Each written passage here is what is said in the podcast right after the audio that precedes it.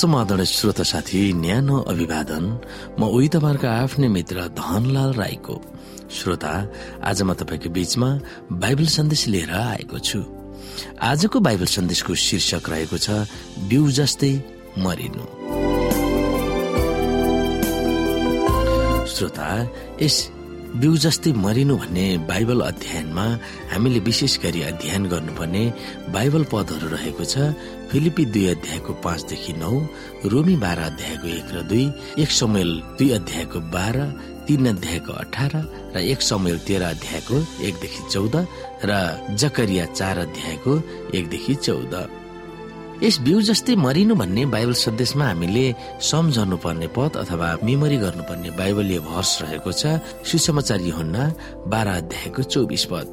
यहाँ भनिएको छ साँच्चै म तिमीहरूलाई भन्दछु गहुँको दाना माटोमा परेर मरेन भने त्यो एउटै र त्यत्तिकै रहन्छ तर त्यो मर्यो भने त्यसले धेरै फल फलाउँछ।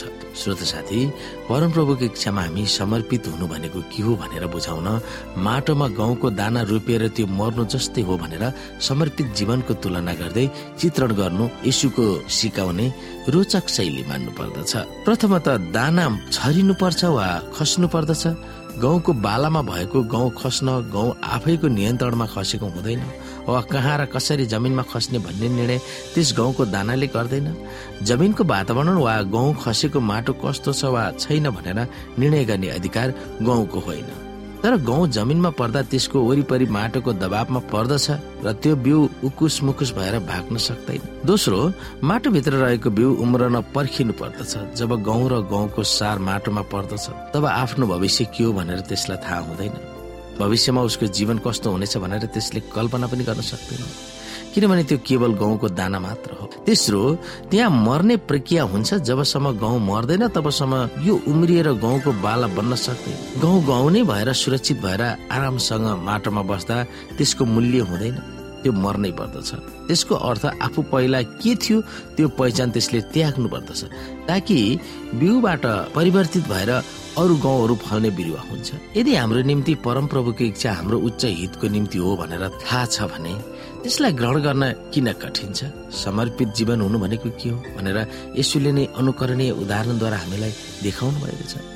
तपाईँको आफ्नै जीवनमा गाउँको दानाको चित्रणलाई कसरी प्रयोग गर्न सक्नुहुन्छ? त्यो विषयमा तपाईँ सोच्न सक्नुहुन्छ। अथवा श्रोता साथी तपाईँ हामी जुन परिस्थिति जुन घटनाक्रमबाट हामी आएका छौँ हामीले जस्तो स्वभावहरू धारण गरिरहेका छौँ ती स्वभावलाई हामीले पूर्ण रूपमा त्याग्न सक्नु अथवा त्यसबाट परिवर्तन हुन सक्नु नै अनन्त जीवनको भागीदार हो। हामी जबसम्म प्रभु प्रभुको इच्छामा समर्पित हुन चाहन्छौ हामीले हामीमा भएका सांसारिक क्रियाकलापहरू हाम्रो मस्तिष्कमा जरा गाडेर बसेका ती सैतानिक छलकपटहरू पुरानो स्वभावहरू मानसिकताहरू हामीले पूर्ण रूपमा त्याग्नु पर्दछ। जब एउटा गहुँ माटोमा परिसकेपछि ऊ मर्दछ अथवा भनौँ ऊ परिवर्तन हुँदछ तब मात्र उसले फल फलाउन सक्दछ।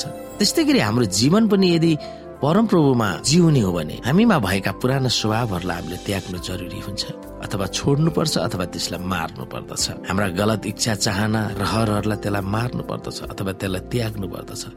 तब मात्रै हामीले प्रभुको राज्यमा अधिकार गर्न पाउनेछौँ। अथवा भनौँ त्यसको अर्थ आफू पहिला के थियौँ हामी? हाम्रो पहिचानहरू के के हुन्? ती हामीले त्याग्नु पर्दछ अनि परिवर्तित जीवन जिउनु पर्दछ। श्रोता साथी हामीमा खाने बानीहरू होला जुन बाइबलले निषेध गरेका पिउने कुराहरू होला बेङ्कट बानीहरू होला हामीले खाने गरेका अनैतिक खानाहरू होलान्।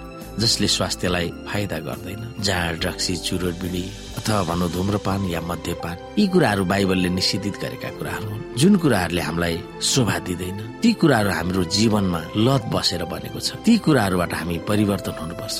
त्यसलाई हामीले त्याग्नु पर्दछ अथवा त्यो इच्छालाई हामीले मारिनु पर्दछ तब मात्रै हामीले चाहेको कुरा पुरा हुन सक्दछ। तब मात्रै हामी प्रभुका चेला चेली भएर जिउन सक्दछौ।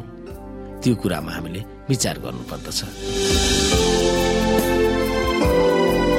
श्रोता साथी आजको लागि बाइबल सन्देश यति नै। हस्त नमस्ते जय मसिंह।